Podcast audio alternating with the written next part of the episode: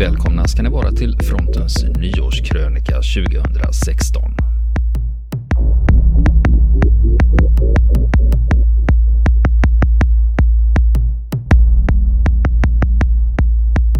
Ja, frontkamrater, då var 2016 till ända och det är dags att summera året. Frontavsnitten de har rört sig över flera kontinenter och flera krig. I år har vi hunnit med mycket om första världskriget, framförallt eftersom många stora slag fyllde 100 år, som som Verdun och Skagerrakslaget. Och så fort det handlar om militärhistoria blir det naturligtvis mycket om andra världskriget. Vi har kört några agenthistorier, lite Lövre, lite om straffbataljonerna på östfronten och så en del Normandie. Under 2016 så är det många som har kunnat konstatera att det var många kändisar som avled. Vi uppmärksammade Björn Dahlin som avled 2016. Han tjänstgjorde i amerikanska marinkåren under Vietnamkriget. Och vi uppmärksammade det genom att berätta historien om hans liv. En annan prickskytt vi uppmärksammade, det var rekordhållaren Simo Heie från finska vinterkriget. Det var andra människor som dog också i år. I slutet av året så avled Fidel Castro och av en slump så sammanföll det med våra avsnitt om kubanska revolutionskriget. Men vi passar på att göra en special om revolutionsmuseet i Havanna. Under året så uppmärksammade vi andra krig, som kuppen i Kabul 1979, som utlöste inbördeskriget i Afghanistan. Och så blev det ju såklart lite Falklandskriget från 1982. Vi tittade också på fotbollskriget 1969 och lite amerikanska inbördeskriget. Dessutom har vi faktiskt med lite modernare grejer när vi pratar om Syrien. Vi tittar också på luftstriderna i Sidrabukten 1981 och Singapores fall 1942 och mycket annat. Sen var vi på Bokmässan i september och träffade bland annat författarna Mats Lerneby och Anna Larsdotter. När det gäller hur många som lyssnar på fronten så har det ökat en hel del under året. Under hela 2015 hade våra avsnitt avlyssnats 19 000 gånger. Under 2016 då har ni lyssnat 121 000 gånger på våra avsnitt. Och sen augusti ligger vi stadigt med över 10 000 lyssningar per månad. För det är er jag har att tacka för det här eftersom vi inte gör någon marknadsföring och köper massa annonser och grejer så är det ju ni som tipsar era vänner och bekanta eh, om fronten. Så det är så vi får nya lyssnare.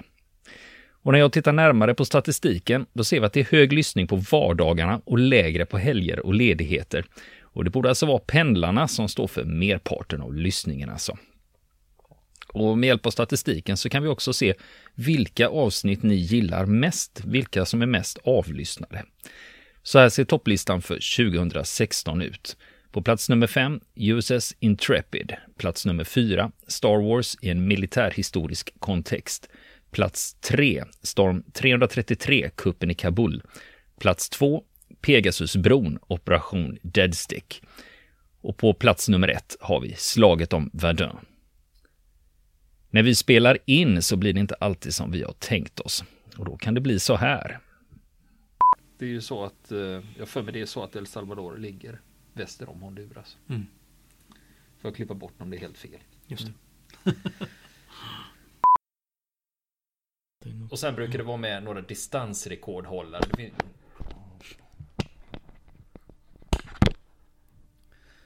Och sen brukar det vara med några distansrekordhållare, det vill säga det är några britter och några kanadensare som är med liksom på de satta. Då går mm, vi då på att det gäller. Vi litar på public service att deras uppgifter mm. ställer. Att deras uppgifter stämmer. Eh, Hej, eh, Simo, han var näst yngst. Och det är spansktalande länder så det kallas för. Det är jag. Mm. Om två minuter. Mm. Mm. Jo, eh, det här fotbollskriget på, det mm. var utkämpades med. Och det som händer sen då, det är att eh, salvadoranerna, det är de som angriper först. Och de räknar med en lätt seger, för de hade en starkare armé, armé än honduranerna. Mm. Men eh, nu, nu spoilar jag lite här. Nu stryk, det skiter vi mm. eh, och det här med fotbollen då. Mm. Det här med chauvin, ja, ökar chauvinismen och den spända relationen blev akut. Mm. Och så blir det krig och det här då. Och det finns en bok som handlar om Kolla-fronten. Och den heter eh, Kolla enligt, nu börjar vi om här. Mm. Det finns en bok som heter Kolla fronten håller. Och där var det, enligt den boken så var det en av Heyes frontkamrater som tipsade honom om att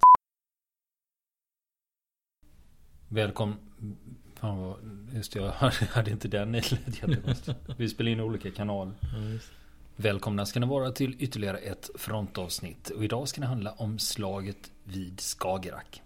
Eller säger man slaget på Skagerrak?